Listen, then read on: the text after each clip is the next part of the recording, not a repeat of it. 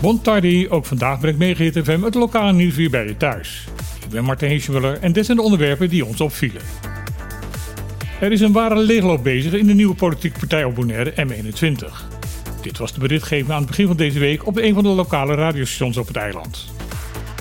Aanleiding hiervoor was de opstap van nummer 2 op de kieslijst van M21, Bernard Landwier.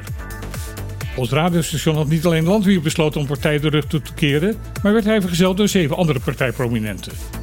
Daarbij werden ook namen genoemd. Een van deze genoemde namen, de bekende hondentrainer Norbert Tadema, reageerde heel snel op deze bewering. Heel helder maakt hij duidelijk dat hij de partij niet verlaten heeft en dat hij dat ook niet zal doen. In een ingezonden brief aan diverse media zegt hij dat de partijleider van M21 deze koffie zijn volledige steun heeft. Tadema legt in zijn reactie verder uit dat de vertrokken landwier per se op de tweede plaats van de kieslijst wilde komen te staan, omdat hij naar eigen zeggen veel voorkeurstemmen zou gaan trekken. Volgens Tadema blijkt dat na de verkiezingen er maar 30 te zijn. Ook andere partijleden die volgens de berichten vertrokken zouden zijn, hebben ondertussen laten weten dat deze berichtgeving onjuist is. Er blijkt meer onrust ontstaan te zijn op Bonaire door verwarrende berichtgeving. Vakbond AFO heeft naar buiten gebracht zich te ergeren aan het gedrag van een collega-vakbond, waardoor volgens AFO onrust is ontstaan bij het personeel van Keur Oil. De vakbond zegt op het punt te staan een CEO met Keur Oil af te sluiten, met daarin veel belangrijke verbeteringen voor het personeel. Volgens de bond probeert nu een andere partij zich op te gaan werpen als vertegenwoordiger voor het personeel van de brandstofleverancier. Volgens het uitgegeven bericht van AFO zou deze gang van zaken grote vertraging op gaan leveren voor het afspreken van de gezamenlijke arbeidsovereenkomst. De vakbond erkent het recht van andere vakbonden om te proberen de vertegenwoordiger van het personeel te worden, maar noemt de huidige gang van zaken oneigenlijke praktijken en stoken van onrust.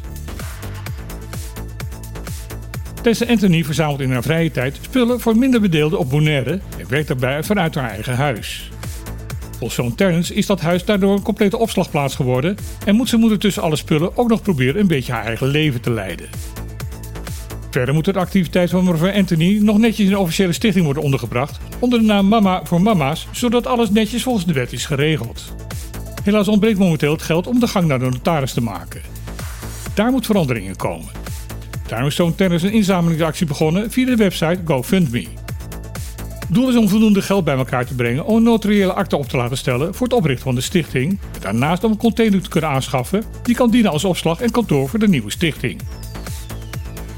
Terrence zegt dat zijn moeder een hardwerkende vrouw is die de droom heeft om andere mensen te kunnen helpen. Hij wil graag deze droom voor zijn moeder verwezenlijken. Meer informatie is te vinden op de website GoFundMe onder de naam Mama voor Mama's. Momenteel wordt er op het KAI Amsterdam gebouwd aan een nieuw warenhuis op Bonaire. Voor welk bedrijf dit gebouwd wordt is ook volledig duidelijk, want nu al is de naam Penha groot op de gevel van het gebouw te lezen. Helemaal onbekend is het bedrijf niet op het eiland. Penha heeft op dit moment al een kleine winkel in de vertrekhal van Flamingo Airport. Dat betekent niet dat het hier gaat om een klein bedrijf. BV Winkelbedrijven Julius Penha Sons is een Curaçaos bedrijf met 25 vestigingen op vijf verschillende Caribische eilanden. Deze winkels zijn gespecialiseerd in parfum, schoonheids- en verzorgingsartikelen. Maar er worden ook speciale dranken, kleding en lekkernijen verkocht. De snelle groei van Bonaire de laatste jaren heeft de bedrijfslijn doen besluiten om een flinke winkel op dit eiland te gaan starten. De winkel zal naar verwachting in september de deuren gaan openen en gaat ongeveer 15 arbeidsplaatsen opleveren. Dit was weer de lokale nieuws op Megahit FM. Ik wens iedereen een mooie dag toe. Ik zelf ga nu mijn verjaardag vieren en dan heel graag weer. Tot morgen.